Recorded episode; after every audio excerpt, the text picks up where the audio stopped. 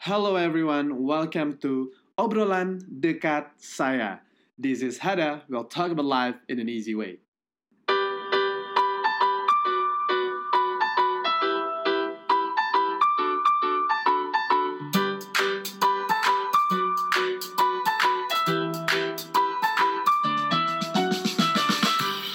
Ini jadi beneran eh, nggak tahu mau gimana, eh, tapi malam ini deg-degan campur excited karena kedatangan sesosok wanita yang cantik dan berprestasi se se, se Jawa Timur se Indonesia. Eh, terima kasih eh, Alsya Iya. sudah Mas. mau meluangkan waktunya datang. Alsya boleh kenalan? Oh, oke, nggak apa-apa lanjut aja. Ini WhatsApp-nya belum dimatiin. boleh dikenalin nggak Alsya eh, Oke, namanya siapa? halo Mas. Halo Alsya, nice to meet Sebelum you. nice to meet you too. Selamat malam semuanya. Perkenalkan nama saya Alsya Sekar Amaranggana Wibowo, bisa dipanggil Alsya. Saat ini saya berusia 22 tahun 22. dan masih eh, menjadi mahasiswi di Universitas Negeri Surabaya jurusan Ilmu Komunikasi. Jadi eh, sekalian minta doanya nih sama teman-teman yang mendengarkan untuk bisa mendoakan saya agar lancar skripsinya seperti itu. Amin. Marilah kita doakan nih. yang denger nih eh, podcast saya tuh ada 3 juta 500 ribu. pen- ya, Wow. Jadi semoga 3 juta 500 ribu ini mendoakan Alca semoga segera menjadi sarjana ya. Amin. Amin. Da- dari apa namanya perkenalannya tadi udah kedengeran sangat tertata dan apa namanya sangat rapi ngomongnya. Alsya, eh, apa pengalaman yang bisa membuat Alsya jadi tertata sekali? Pengalaman, boleh cerita gak sih? Boleh dong. Oke. Jadi sebelumnya setahun yang lalu, oh dua tahun yang lalu deh kayaknya, Hmm. saya tuh memang masih belum bisa tertata ya Hmm. dari cara berbicara ataupun ketika saya berhadapan dengan banyak orang. Hmm. Awalnya saya gugup, eh, apa deg-degan, grogi gitu Hmm. ya dalam dan nggak mau nggak tahu harus apa yang saya omongkan ketika di depan orang banyak. Tapi ketika saya memang saya awalnya eh, duta wisata, Oke. cuman mungkin belum pro untuk bisa berbicara public speaking di depan banyak orang. Mm-mm. Tapi ketika saya terakhir kali menjabat sebagai duta wisata Rakaraki di tahun 2016, Mm-mm. akhirnya apa ya selanjutnya yang harus saya capai? Oh, saya ingin menjadi putri Indonesia, Hmm. putri Indonesia pada saat itu. Oke. Karena kan memang eh, menjadi putri Indonesia itu adalah tujuan saya ketika saya SD. Pokoknya oh, jadi udah mimpi ya. dari SD.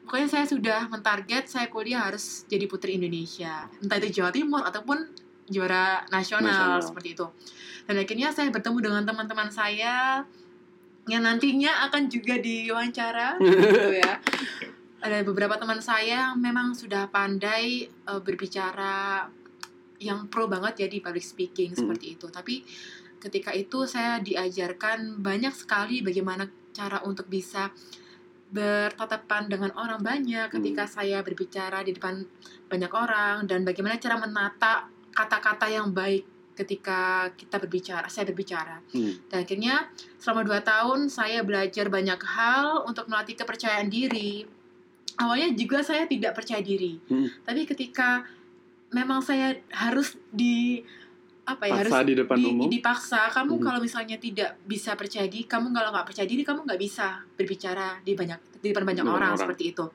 nah akhirnya saya percaya diri menyiapkan mental terutama dan eh, menjaga emosional juga ketika kita berbicara di depan banyak orang Hmm. kadang-kadang kan kita kan biasanya kecepatan atau mungkin saking groginya nggak tahu mau ngomong apa gitu kan tapi cuman ketika dua tahun itu saya belajar banyak hal tidak hanya public speaking tapi banyak sekali bagaimana cara berattitude dengan baik Hmm. seperti itu menata dengan kepribadian ketika berhadapan dengan banyak orang dan akhirnya saya belajar ya sudah seperti ini Hmm. yang penting adalah usaha belajar seperti itu Jadi belajarmu itu dalam rangka persiapan menjadi putri Indonesia atau setelahnya atau se- semuanya dalam belajar? rangka proses eh, menuju putri Indonesia Oh, oke. Mempersiapkan diri segitunya ya. ya mempersiapkan Siap, karena siap, memang mimpi saya adalah menjadi putri Putri Indonesia, Indonesia. gitu. Jadi eh, alhamdulillah tahun 2018 sudah sempat ber apa ya bertanding di tingkat nasional ya. Iya, alhamdulillah. Alhamdulillah. Oke, gimana? Mungkin sekilas kayak perasaannya. Soalnya ini kalau uh, Alsya pernah dengar episode kedua itu seniormu tuh. Uh, episode yang kedua itu seniormu dari Jakarta, tapi bukan yang menang, uh, eh bukan yang menang Sydney, hai. Dia DKI Jakarta 6 kalau nggak salah. Tahun? Tahun 2000 lupa Hmm. 14 kayaknya. Gitu. Um, 12 ya. dia dia kebetulan uh, sahabat saya juga. Hmm. Waktu itu sempat sama-sama tinggal di Bali. Kalau Alsya sendiri gimana pengalamannya waktu di Putri Indonesia? Yang nasional atau Jawa Timur? Nasional. Boleh. Oke. Di Jawa Timur berarti kamu juara pertama ya? Juara pertama Sampai akhirnya dikirim ke tingkat dikirim nasional. ke nasional. Oke. Yang di nasional. Eh, pengalamannya senang banget. Oke. Iya nggak? Eh, yang ada senang banget, nggak ada rasa sedih. Mhm. Ya lelah mungkin lelah ada karena eh, dua minggu saya dan teman-teman dari 38 provinsi, 34 provinsi, Mhm. di mana ada 38 orang Mhm. Eh, kita berjuang bersama-sama dua minggu di Jakarta membawa nama provinsi meskipun shares yang kita pakai tidak berat tapi kita membawa nama provinsi itu sangat berat, Berat, sekali ya. dan akhirnya ketika saya sudah eh, datang ke Jakarta membawa nama Jawa Timur membawa segala persiapan senjata yang akan saya eh, tunjukkan kepada nasional Hmm. Saya sangat senang sekali bertemu dengan banyak teman-teman dari 34 provinsi Mhm. seperti itu dan yang paling penting adalah pengalaman yang tidak terlupakan. Saya bertemu dengan banyak menteri, Hmm. menteri pariwisata, kementerian olahraga. Eh, saya berkunjung ke KPK pada saat itu. Hmm. Eh, selain itu saya ke BNN juga dan hal itu yang membuat saya selain mendapatkan ilmu juga saya membuat apa ya rasanya ini adalah pengalaman sekali seumur hidup seperti Hmm. itu yang tidak akan pernah terulangi lagi dan meskipun saya sudah berjuang sudah berusaha semaksimal mungkin membawa nama Jawa Timur meskipun saya tidak waktu itu tidak mendapatkan predikat atau juara di tingkat nasional tapi yang terpenting adalah pengalaman yang tidak akan terlupakan Siap. sepanjang hidup saya. Siap. Kamu tapi waktu itu mendapat juara di hati saya kok, tenang aja. Oh, terima Saya- kasih. Iya. Baru pertama ketemu ya? tapi kan saya pernah nonton waktu Oh, gitu oke. ya kan. Ada beberapa temen juga kan 2018. Oh, ya. Iya, nah ini. Nah, di di proses nah sekarang deh mungkin em, setelah pemilihan Putri Indonesia selesai, tapi kan saya lihat kan eh, Instagram kamu juga masih masih aktif ya. Iya, Em, masih aktif. eh, membawa kan biasanya tuh kalau kayak gitu-gitu sekali jadi putri selamanya jadi putri ya walaupun itu Eh, jadi iya sih, Iya kan? kayak gitu. jadi em, maksud perta- pertanyaan saya adalah em, gimana eh, kamu sekarang kalau in touch sama teman-teman sesama finalis Hmm. atau misalnya setelah kamu selesai dari Putri Indonesia kan mungkin kamu punya misi yang mau kamu bawa ke publik gitu kan Mm-mm. Em, kamu biasanya menggunakan media tertentu nggak untuk bisa apa namanya berkomunikasi dengan orang-orang itu Tentu Hmm. eh, kan sekarang zamannya teman-teman online seperti itu ya. Online. Meskipun saya punya teman pasti teman Hmm. sahabat ataupun teman yang sering ketemu, tapi saya juga punya followers di mana itu ya sahabat-sahabat online saya Ya. seperti itu karena mungkin mereka juga nggak pernah ketemu saya, tapi mereka juga berkomunikasi kepada saya Mhm. ketika mau di- memberikan dukungan ketika saya di Jakarta dan untuk misi yang saya bawa seperti ya Mhm. berkomunikasi tentu saya juga eh, ketika menjabat sebagai putri Indonesia Jawa Timur saya juga diajarkan dan dituntut untuk bisa mengelola media sosial dengan baik Ya. ya awalnya saya kayak gimana caranya membuat feeds ataupun caption yang baik Mhm. Untuk me- memotivasi, menginspirasi teman-teman yang ngefollow saya Betul. seperti itu. Dan akhirnya saya diajarkan ketika kamu ada suatu acara ataupun tidak ada suatu acara, kamu harus bisa membuat konten ataupun men-share kepada teman-teman follower saya tentunya bagaimana sih apa yang kamu lakukan dan kamu ceritakan gitu lewat uh, suatu caption yang menarik. Hmm. Jadi yang awalnya saya juga pernah waktu itu uh, men-share ke teman-teman di media sosial saya di Instagram. Hmm. Saya upload dari perjalanan saya dari yang awalnya saya belum apa-apa, belum pintar apa-apa dan sampai saat ini saya mendapatkan apa yang saya mau. Saya benar-benar cerita dari hati dan tentunya saya ingin menginspirasi teman-teman Hmm. bahwa mimpi itu pasti nyata ketika kalau kita berusaha kayak gitu. Kalau misalnya kita nggak berusaha, ya nggak nggak dapat apa-apa kayak gitu. Yang penting adalah berusaha dan berdoa. Oke. Yakin dengan apa yang kalian mau seperti itu. Jadi ketika kita mengelo- apa ya menggunakan sosial media, media sosial, tentunya yang kita sampaikan itu juga harus apa ya eh, penuh makna dan jujur makna, sehingga bisa iya. nyampe maknanya ke orang Hmm, lain hmm. dengan tepat gitu ya. iya. Siap. Em, nah ini kan sekarang media sosial. eh, Alsya sempat dengar nggak kalau Instagram tuh ada rumor mau ngilangin yang namanya likes, Iya. jumlah eh, likes kan. Jadi nggak di nggak dimunculin ke Hmm. publik gitu. Em, saya sempat ngobrol sama beberapa teman, wah ini nasib-nasib selebgram gimana ya yang memang eh, kayak mereka sekarang berarti udah bisa dibilang mencari nafkah dari jumlah likes, engagement yang ada di sosial media gitu. Nah buat Alsya sendiri eh, dan Alsya adorable, eh apa? Ya kan? itu masih ada. itu hanya setahun deh kayaknya. Seberapa penting sih eh, jumlah followers juga jumlah like di sosial media di media sosialnya Alsya? Eh, kalau boleh jujur kak ya, Hmm. kalau untuk masalah jumlah like itu menurut saya kalau saya sendiri tuh nggak penting sih. Oke. Kalau malah justru kalau followers itu penting karena ketika kan tujuannya saya ketika saya menjabat setelah menjabat sebagai putri Indonesia Jawa Timur adalah tentu tugas sebagai putri Indonesia adalah menginspirasi orang kayak Siap. gitu. Hmm. Nah, ketika saya memang follower saya yang awalnya hanya 1000 terus naik jadi 10.000 yang kurang lebih 9.000 orang yang langsung nge-follow saya itu benar-benar saya senang bukan Hmm. karena follower saya banyak gitu enggak karena saya tentu ketika saya men-share kan Instagram itu bukan hanya untuk pencitraan aja tapi Iya. juga memberikan suatu hal yang positif untuk dicontoh oleh teman-teman di. Instagram saya teman-teman yang follow saya seperti itu untuk jumlah like sendiri saya sih nggak dari dulu memang tidak tidak apa tidak mem- tidak mempengaruhi saya seperti itu yang Hmm. penting adalah ketika banyak yang follow saya berarti saya tentu akan menyebarkan hal-hal positif itu kepada banyak orang Siap, siap, Kayak gitu. siap, siap. Eh, ini kan saya nggak tahu ya orang beda-beda. Em, kadang saya juga pernah soalnya misalnya kan kita biasanya punya tema atau punya konsep sendiri nih buat Instagram kita kan. Nah misalnya kadang-kadang saya pernah misalnya ngepost foto, oh eh, kayaknya nih sequence-nya nggak bagus nih kalau misalnya habis misalnya ngepost foto muka terus misalnya gitu terus oh enggak saya saya ganti deh saya hapus terus saya post lagi gitu. Pernah nggak kira eh, kamu ngepost sesuatu di Instagram kamu terus either likes-nya nggak banyak atau misalnya nggak sesuai sama konsep Instagram kamu, terus kamu hapus Instagram apa namanya postingan nih, pernah nggak? Eh, kalau menghapus postingan tuh nggak pernah sih mungkin captionnya mengedit yang Hmm. Oke. editnya ya karena mungkin ada yang salah Hmm. kata-katanya atau apa cuman kalau mungkin menghapus foto itu nggak pernah sih karena Hmm. memang sebelum saya eh, men-share kepada di Instagram saya Hmm. saya benar-benar harus teliti ini gimana ya fotonya sudah cocok nggak ya sama captionnya Hmm. kayak gitu kalau misalnya captionnya ketika saya sudah upload terus kayak masih ada yang kurang cocok mungkin saya benar apa ya kayak membutuhkan sedikit-sedikit lah Hmm, oke oke. gitu.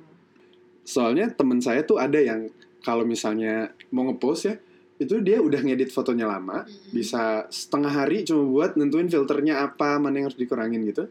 Terus em, captionnya lebih lama lagi.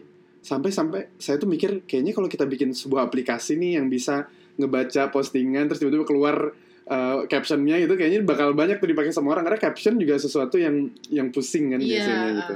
Alcia paling lama berapa lama? kalau Kayak- bikin caption gitu Iya, atau misalnya Kalau mau ngepost satu.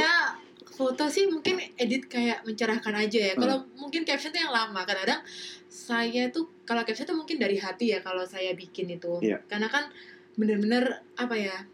Saya diajarkan untuk ya udah kamu apa ya kayak patennya kamu seorang putri Indonesia, kamu bikin caption juga harus hati-hati, Hmm. harus bener-bener masuk gitu loh ke orang-orang yang melihat uh, Instagram kamu. Hmm. Saya pun kadang-kadang tuh dua hari bikin caption Oke. sebelum tidur kadang-kadang kan kita menghayat gitu ya kayak menghayati sesuatu mungkin karena kita mungkin belum kan saya mungkin sering begadang ya Hmm. jadi ketika saya sebelum tidur mungkin kayak apa ya bikin caption apa ya apa ya belum di apa harus apa ya upload yang pas untuk besok kayak gitu yang benar-benar bagus untuk dilihat sama banyak orang dan untuk saya sendiri kadang-kadang ketika saya sudah sudah melihat di galeri Hmm. foto apa ya oh foto ini dan setelah itu saya benar-benar bikin caption yang benar-benar pas bagus dan cocok untuk foto yang saya upload seperti itu Jadi sehati-hati itu ya iya untuk satu itu. postingan. iya benar Oke. dan saya jujur kalau caption tuh mungkin apa ya kayak membuatnya tuh tulus hati saya. Jadi jangan sampai kayak peres gitu apa ya Hmm. peres ya Terlalu berlebihan. ya, berlebihan Ya, kayak gitu. jadinya- enggak saya nggak suka kayak gitu. Cuman ya bener saya real maksudnya nggak mau dibuat-buat. Mm. saya kadang-kadang malam tuh sejam bikin caption saya ditulis di HP dan mungkin kalau mis- misalnya belum cocok gitu mungkin saya besok membutuhkan lagi apa sih yang kurang terus seperti itu sih kurang lebih dua hari lah saya captionnya lebih berhati-hati Siap. untuk membuatnya Oke. Kamu berarti main eh, apa menggunakan media sosial Instagram lah ya in this Iya. case ya. Udah berapa lama inget nggak? Instagram mungkin 2012 itu Berarti udah enam tahun ya? Enam tahun. Cuman tujuh waktu itu tahun. mungkin karena masih alay ya, Ya. jadi hapus terus buat lagi, Buat lagi. terus hapus buat lagi Oke. dan ini yang bener-bener Dan sih. apalagi kan sekarang followersnya udah udah banyak ya, lumayan banyak sepuluh ribu. ada nggak kejadian yang yang menarik selama kamu menggunakan media sosial? Apa pun ya nggak nggak harus terkait sama followers gitu. Misalnya salah post atau apa pun lah gitu. Pengalaman yang yang baik dulu deh. Apa pengalaman paling baik kamu dalam menggunakan Instagram? Habis itu pengalaman yang yang kurang baik. Pengalaman yang baik pasti ya tadi saya men-share kegiatan saya. Hmm. terus saya juga bikin caption yang benar-benar menceritakan apa yang saya lakukan. Dan saya juga selalu setiap setiap kali saya post tuh selalu membuat kata-kata mutiara ataupun pesan yang tentunya buat teman-teman itu. Itu sih menurut saya yang Hmm. hal yang baik ketika saya menggunakan media sosial. Ataupun ketika saya eh menceritakan ataupun apa ya kayak men-share men-share kepada orang luar di sana kalau saya juga bermain dengan bermain dengan teman-teman saya Hmm. seperti itu jadi punya kesibukan sendiri me time sama Hmm. teman-teman juga Oke. mungkin kalau hal yang tidak baik saya sering salah post gitu ya tiba-tiba kadang-kadang kalau HP touchscreen tuh kan nggak tahu tiba-tiba langsung buka Instagram Iya. terus langsung eh, upload ini dan itu saya "Loh, kapan, Kapan- saya upload iya. ini dan itu fotonya tuh nggak fotonya pun nggak layak tayang nggak ya? layak tayang kayak gitu saya sering sih kayak gitu cuman yang foto selfie lah sama Hmm. teman teman-teman saya lah ini tuh nggak ada captionnya juga langsung Oke. diupload kayak gitu dan saya baru ingat ini kapan saya upload dan itu ya itu hal yang tidak baik Hmm. ketika saya menggunakan media sosial Jadi eh, alhamdulillahnya belum belum eh, nggak ada lah ya jangan sampai ada kayak misalnya interaksi sama followers yang gimana gimana gitu nggak ada ya. Eh, dulu sih pernah Hmm. waktu ya perjalanan saya Hmm. menjadi putri Indonesia Jawa Timur Hmm. saya terpilih banyak sekali head speech gitu Oh. jadi kayak eh gimana tuh kamu mengatasinya? apa ya Ya, kayak ini ini menurut saya ini penting haters- banget ya. Nah, karena sih. menurut saya ini nggak cuma di di apa namanya in dunia beauty pageant aja, Mhm. tapi juga di mana pun gitu tentang agama, politik. Mhm. Sekarang tuh banyak banget orang yang seenaknya ngelempar Iya. komentar negatif tanpa mikir. Banyak orang yang baca gitu, even Mhm. orang-orang yang mungkin belum cukup dewasa untuk baca gitu. Kamu waktu itu gimana menghadapinya? jujur waktu itu saya masih umur 20 tahun Betul. dan benar-benar mungkin mental saya itu memang belum belum apa ya belum karena mungkin saya masih kaget saya Hmm. dinobatkan menjadi putri Indonesia Jawa Timur saya belum bisa adaptasi dengan banyaknya komen ataupun eh, komen yang masuk di Instagram saya Hmm. Pada saat itu saya ketika dinobatkan menjadi putri Indonesia Jawa Timur malamnya saya balik ke kamar hotel saya buka Instagram tiba-tiba tuh Instagram saya tuh banyak sekali noti- notification gitu Hmm. dan itu tidak hanya orang yang follow-follow saya aja tapi juga ada banyak sekali yang DM saya dan dengan kata-kata yang kurang baik Oke. dan juga ada yang Gak apa-apa loh kalau mau disebutinnya ya apa kata-katanya yang paling saya lupa jahat. itu eh, bilang kamu nggak pantas kamu jelek ini segala Oh. macam dan kenapa nggak men- yang menang tuh nggak ini kayak gitu dan kan saya juga nggak tahu Iya, saya iya, iya. dipikir saya juga nyogok enggak juga gitu Iya, loh kan jahat Istilah, jangan kan nggak boleh lah kayak gitu Iya. maksudnya kamu ada yang bilang iya ini kan eh, lebih katanya lebih ini daripada yang ini Hmm. kayak gitu maksudnya Ini masih nggak terima ya, Duitnya, ja- iya, jagoannya nggak menang kali ya. eh, dan ada juga komen di Instagram saya post-post saya yang terakhir itu Hmm. bilang kalau saya sombong ngeblok saya ngeblok dia padahal saya pun masih belum pegang HP ada yang Yeah. ngefitnah saya kayak gitu dan saya bener-bener teman saya juga sampai eh, nge PC nge-PC saya di WA Hmm. kamu ngeblok anak ini kayak gitu Hmm. enggak enggak ngeblok aku baru barusan pegang HP kayak Hmm. gitu dan bener-bener kadang-kadang orang-orang tuh kayak memang kalau udah benci tuh segitunya ya kayak gitu kalau nggak suka tuh segitunya berbuat semena-mena Ya. dan dari sinilah akhirnya yaudah saya nggak tanggepin. Yang penting oh misalnya kalau ada komen yang memang eh, mengkoreksi saya mengkritik saya meskipun baik ataupun tidak baik tetap saya terima. Hmm. mungkin itu sebagai pembelajaran saya apa sih menurut menurut saya yang kurang? Ya udah saya ambil beberapa kritik yang mungkin pedas ataupun yang baik tetap saya ambil. Mhm. buat saya pembelajaran aja sih ketika saya berproses untuk menjadi putri Indonesia Jawa Timur putri Indonesia di nasional. Karena kan selama dua minggu itu saya masa transformasi Mhm. banyak sekali di Instagram saya ataupun banyak sekali omongan di luar sana yang menjadikan saya seperti itu. Tapi tetap saya cuek pokoknya saya membawa nama Jawa Timur tanpa ada beban seperti itu ambil yang positif buang positif yang jelek-jelek ya iya. Mantap. Em, ini beberapa pertanyaan sebelum terakhir sih. Sekarang kan banyak nih em, ju- juga bahkan kayak di keseharian saya gitu. Hmm. Kita tuh kalau ngomong nggak cuma di media sosial ya, itu campur-campur sama bahasa Inggris. Mm-mm. Mungkin beberapa ada yang kayak se- kadang-kadang tuh saya ngerasa emang kalau pakai bahasa Inggris kita bisa nyampein maknanya lebih lebih lebih pas misalnya gitu karena ya saya juga nggak tahu sih kenapa kita nggak nggak fasih berbahasa Indonesia gitu tapi menurut Alsya sendiri melihat uh, fenomena ini di mana kayak kita tuh berbahasa campur-campur gitu sama bahasa Inggris menurut Alsya gimana? Kalau misal ada sering sih, Hmm. saya pun juga pernah kayak gitu Iya. bahasa Indonesia, bahasa Inggris. Mungkin eh, kita kan menjunjung tinggi bahasa Indonesia seperti Iya. itu.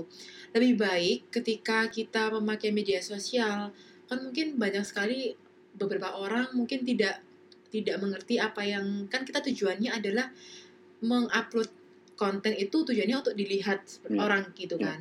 Nah, bagaimana makna ya caption yang kita bawa untuk eh, dilihat oleh orang-orang itu? Hmm. Nah, dengan menggunakan bahasa Indonesia mungkin lebih baik. Siap. Karena eh, ketika kita menyampaikan ke banyak ke publik, pasti kan butuh adanya apa ya? eh masa yang melihat caption kita seperti itu. Misalnya kalau misalnya bahasa Inggris mungkin kan ada beberapa orang yang belum mengerti, ada yang belum paham. Lebih baik kita menggunakan bahasa Indonesia. Ataupun ketika kita memakai mencampurnya mungkin lebih baik juga karena Hmm. mungkin eh, misal kita bahasa Indonesia ataupun bawahnya kita pakai bahasa Inggris ataupun kita menggunakan eh, quotes biasanya Hmm. seperti itu. Itu nggak apa-apa, cuman kita lebih harus mengutamakan bahasa Indonesia. Oke. Karena kan kita juga warga Indonesia menjunjung tinggi bahasa Indonesia seperti itu. Jadi se- selain memang kita uh, mengamalkan menggunakan bahasa Indonesia juga kita lihat audi- audiens target audiensnya kalau memang kita mau menyampaikan ke orang yang mungkin nggak ngerti Hmm. bahasa Inggris ya ada baiknya pakai bahasa Indonesia full gitu ya. Iya, Oke oke oke. Eh, terakhir Alsya, iya. em, kan tadi kita udah ngomong banyak tentang pemakaian media sosial. Ada pesan yang mau disampaikan nggak ke teman-teman yang dengar Mhm. eh, dari Alsya mengenai penggunaan media sosial ini? Oke, eh, banyak sekali ya pesan saya buat teman-teman, apalagi terutama netizennya Budiman. Netizen yang budiman yang, yang maha benar. Ini mah benar. Kan kadang-kadang kita nih sering ya, apalagi kan seperti yang kemarin kita melaksanakan pemilu yang banyak sekali hate speech yang bertebaran di kolom-kolom komentar Ya. yang menyangkutkan dua pasangan calon presiden ataupun ketika kita ada postingan yang mungkin memang kita tidak suka. Mhm. Nah itu banyak sekali sekarang hate speech itu menjadi bahan utama untuk kita bahas, untuk kita perbincangkan saat ini karena kan mungkin sudah parah ya seperti saya lihat Mhm. Sangat parah hate speech yang menimbulkan kebencian, menimbulkan eh, pertikaian antara satu orang dengan yang lainnya. Nah, mungkin kita lebih harus bijak menggunakan media sosial. Kita harus benar-benar dewasa. Tidak boleh egois. Terkadang kita meni, apa ya, tidak tidak apa ya, kadang-kadang kita terlalu mementingkan egois kita. Hmm. Kita juga terlalu emosional ketika tidak suka dengan apa yang kita nggak suka gitu kan. Mungkin kebanyakan orang kan kalau misalnya aduh nggak suka sama postingan ini, kita aku mau ngejudge inilah, nah, itu Ya. kan nggak boleh sebenarnya. Yaudah kalau misalnya kalian nggak suka, yaudah diemin aja, pantau aja.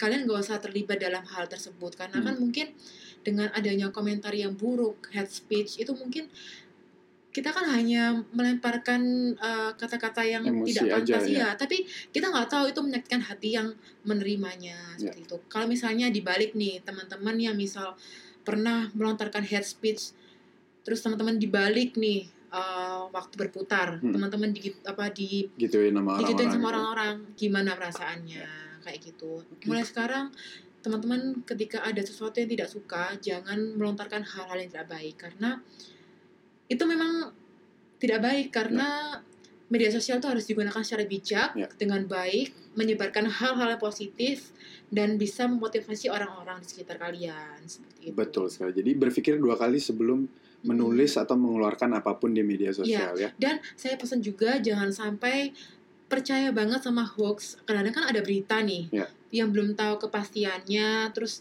disebarkan banyak sekali di share ke Hmm. direct message, terus di share ke mana pun. Nah itu mulai sekarang teman-teman harus bijak juga ketika ambil sesuatu berita apa pun itu jangan percaya dulu. Ya.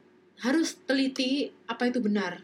Karena kan mungkin teman-teman juga bisa lihat di uh, Google biasanya bagaimana sih cara menanggulangi hoax seperti Ya. itu. Teman-teman juga bisa menyebarkan ke teman-teman yang lainnya, teman-teman Hmm. kalian lainnya untuk bisa meminimalisir hoax. Ya. Karena kan saya seperti uh, bulan April lalu ya pemilu tuh Hmm. banyak sekali kan Ya. hoax ataupun hate speech segala Ya. macam. Nah itu dengan hal tersebut teman-teman juga harus bijak uh, melihat kembali apa yang kesalahan kita semua yang pernah lakukan di Hmm. media sosial dan tentu kita harus bijak, harus menggunakan dengan benar, positif untuk teman-teman lihat ataupun memberikan hal-hal yang baiklah kepada orang lain seperti itu. Siap. Apalagi ini kita menjelang Idul Fitri insya Allah Idul minggu depan Fitri ya ya. Jadi um, semoga uh, di bulan Ramadan ini juga dijadikan momen untuk introspeksi diri ya kan. Kalau perlu ya. ada komen-komen yang udah jelek-jelek tuh dihapus-hapusin kalau bisa gitu kan Hmm. supaya kita bisa lebaran dengan uh, hati yang Hikmat, suci gitu ya. kan dengan damai gitu. Uh, buat Alsya juga selamat Idul Fitri. Iya, terima Uh, kasih. mohon maaf lahir dan batin. Mohon maaf lahir dan batin juga, Mas. Terima kasih sudah datang. Semoga uh, segera kasih selesai sama-sama. apa namanya skripsinya Skripsi. sarjana ilmu komunikasi ya. Amin. Amin. Amin. Terus kita bisa main-main lagi ketemu di uh, lain waktu. Ya. Amin. Ya. Aca, thank you so much. Thank Dadah. you, Mas. Terima kasih semuanya.